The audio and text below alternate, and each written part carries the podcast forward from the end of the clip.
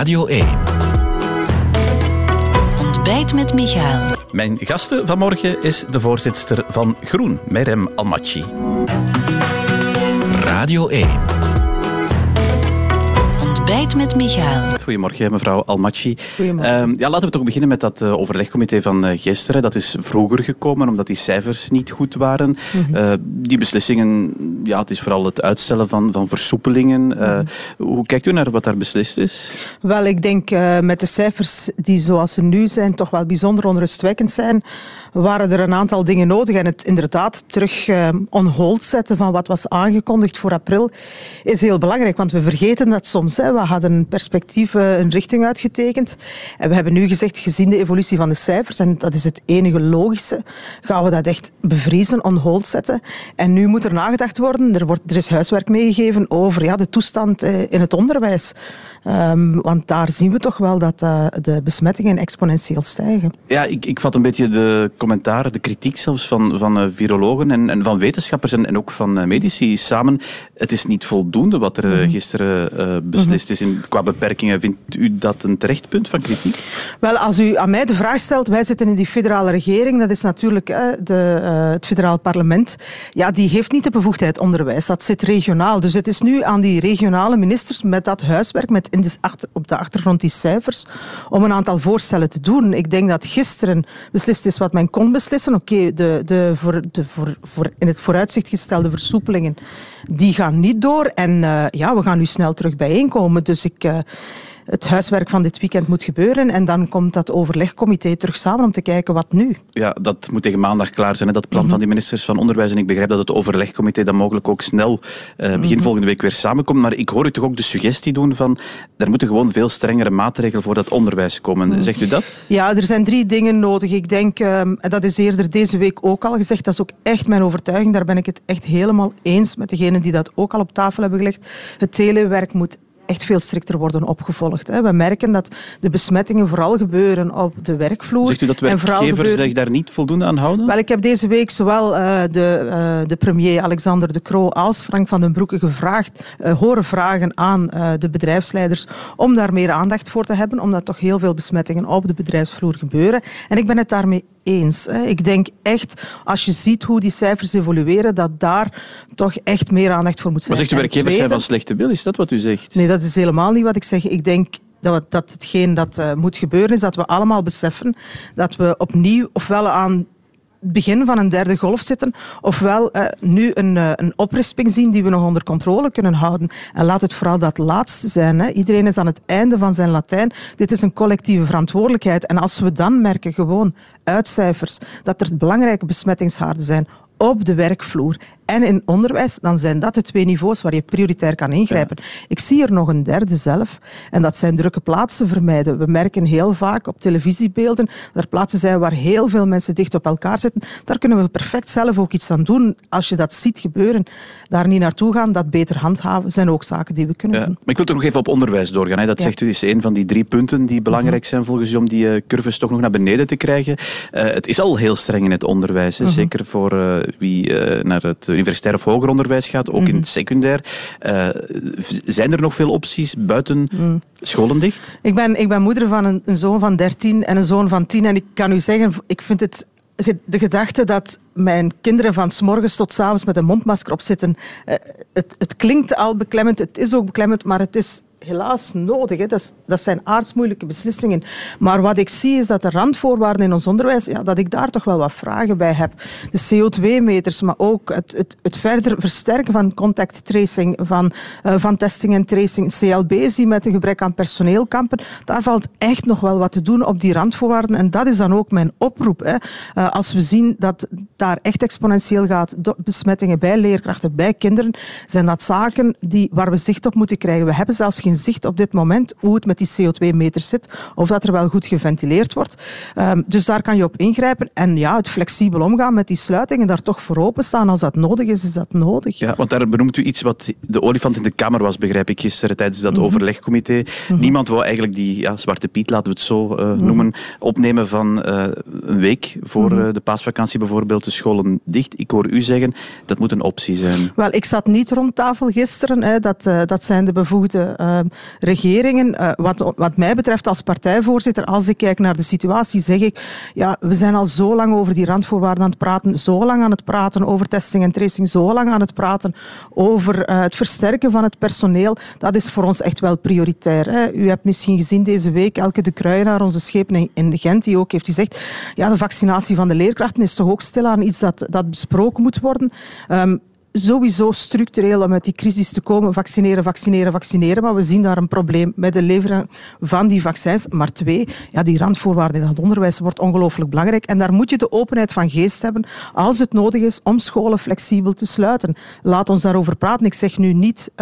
Ik breng geen zwart-wit verhaal, maar ik zeg wel, als je ziet hoe de cijfers evolueren, mogen er ook geen taboes zijn. Ja, maar we zijn natuurlijk wel, het is kort dag, hè, want de, de, mhm. paasvakantie komt eraan, die cijfers zijn slecht. Dus ik, ik stel mm die vraag toch nog eens, eh, een week voor de, de paasvakantie de scholen sluiten, dat moet een optie kunnen zijn, vindt u? Wel, ik vind dat alles bespreekbaar moet zijn. Ik, ik, ik ben mama opnieuw.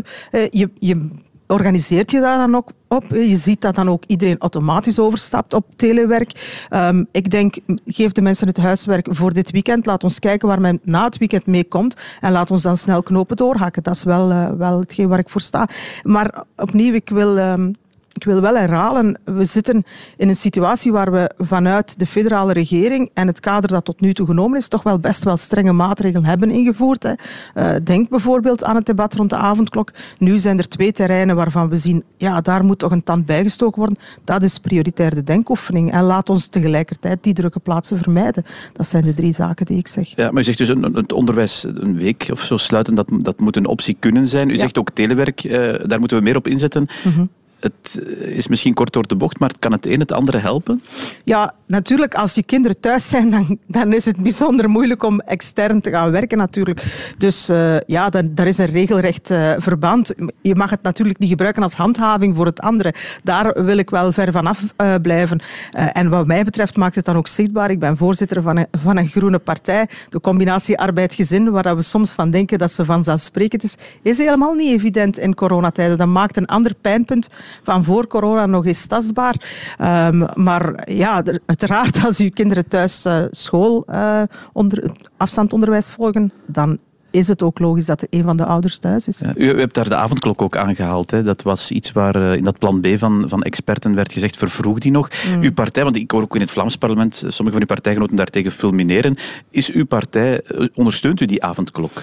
Wel, uh, als partij zijn wij absoluut koele minnaar van zaken die interen op onze grondrechten. En de avondklok is natuurlijk een zeer vergaande maatregel die inteert op een grondrecht. Die is ingevoerd op het moment in de Tweede Golf. Dat is wel belangrijk om, om te weten dat de cijfers exponentieel gingen. Op dat moment is de horeca ook gesloten. Um, en voor ons, elke maatregel die uh, ja, eigenlijk een stukje van uw grondrechten aantast, moet altijd proportioneel en tijdelijk zijn. En die avondklok is in het kader van een reeks aan maatregelen om samen die curve naar beneden te krijgen ingevoerd. Maar uh, voor ons principieel is het uh, wel zo dat we daar, uh, dat we daar absoluut koele minnaar ja, van zijn. In, in Brussel is Groen ook mee in de regering. Daar is die nog veel strenger. Waar, waarom zegt u daar niet dat kan ook iets lakser nu? Wel, een partij is niet hetzelfde um, als een regering. Natuurlijk, in een regering denk je samen na welke, welke... Ja, ja, tuurlijk. Uh, maar dus wat ik daarnet zei, is, het is een combinatie van maatregelen waar de avondklok één van is. En onze principiële houding is dat wij bijzonder, bijzonder, bijzonder huiverachtig staan ten aanzien van maatregelen die grondrechten inperken. Dus die moeten zeer voorzichtig worden ingevoerd. Maar we zitten in een situatie waarbij die een element zijn om die curve naar beneden te halen. Uh, maar vanaf dat we ze kunnen afvoeren, zullen we ze afvoeren. Wat ons betreft kan er geen sprake van zijn om bijvoorbeeld de avondklok als een handhavingsmaatregel te gebruiken. Dat, is, uh, dat is niet waarvoor het dient. Dat is duidelijk. We praten nu al een hele tijd over die coronamaatregelen, mevrouw Almaty. Dat is iets waar we uw partij niet zo heel vaak over horen. Dat komt natuurlijk ook omdat uh, u uh, ja, geen ministers hebt die met die materie bezig zijn. We zien premier De Croo, we zien Frank van den Broeke, we zien Annelies Verlinde. Groen horen we of zien we amper? Nee, ik denk... Um, als u die vraag stelt, er is een reden waarom wij als partij niet in dat debat duiken. Um, heel veel mensen in onze samenleving zijn al een jaar het uiterste van zichzelf aan het geven. En dan hebben zij geen nood aan heel veel stemmen die verwarring scheppen. Dus wij zijn bijzonder zuinig op hoe wij, hoe wij ons zetten in het debat rond corona, uh, de debatten rond versoepelingen enzovoort. Het enige waar we wel als rode draad op hebben gestaan een heel jaar lang, uh, ikzelf, de ministers, ook onze fractieleden, is dat aspect menselijkheid. Dat hebben wij ingebracht helemaal in het begin, toen we nog niet in de federale regering zaten, in de periode toen er nog geen regering was, hè, dat u naar de HEMA mocht om uw familie te ontmoeten, even kort door de bocht. Dan hebben wij gezegd van kijk, dat, is, dat, is, dat gaat voor ons niet. En die menselijkheid, dat mentaal welzijn, dat heb ik overigens in een van de, uh, de, af, uh, een van de ochtenden, uh, de aflevering van de ochtend gebracht, een aantal weken geleden. Dat zijn aspecten die, waar wij de nagel op die nagel kloppen. Ja. Maar, maar, u zit niet in de cockpit, want daar komt het op neer. Heeft dat ook gewoon niet te maken? U, u heeft bij die eh, regeringsonderhandeling ook bevoegdheden genomen die, die hier niet aan bod komen. Misschien de belangrijkste crisis in decennia.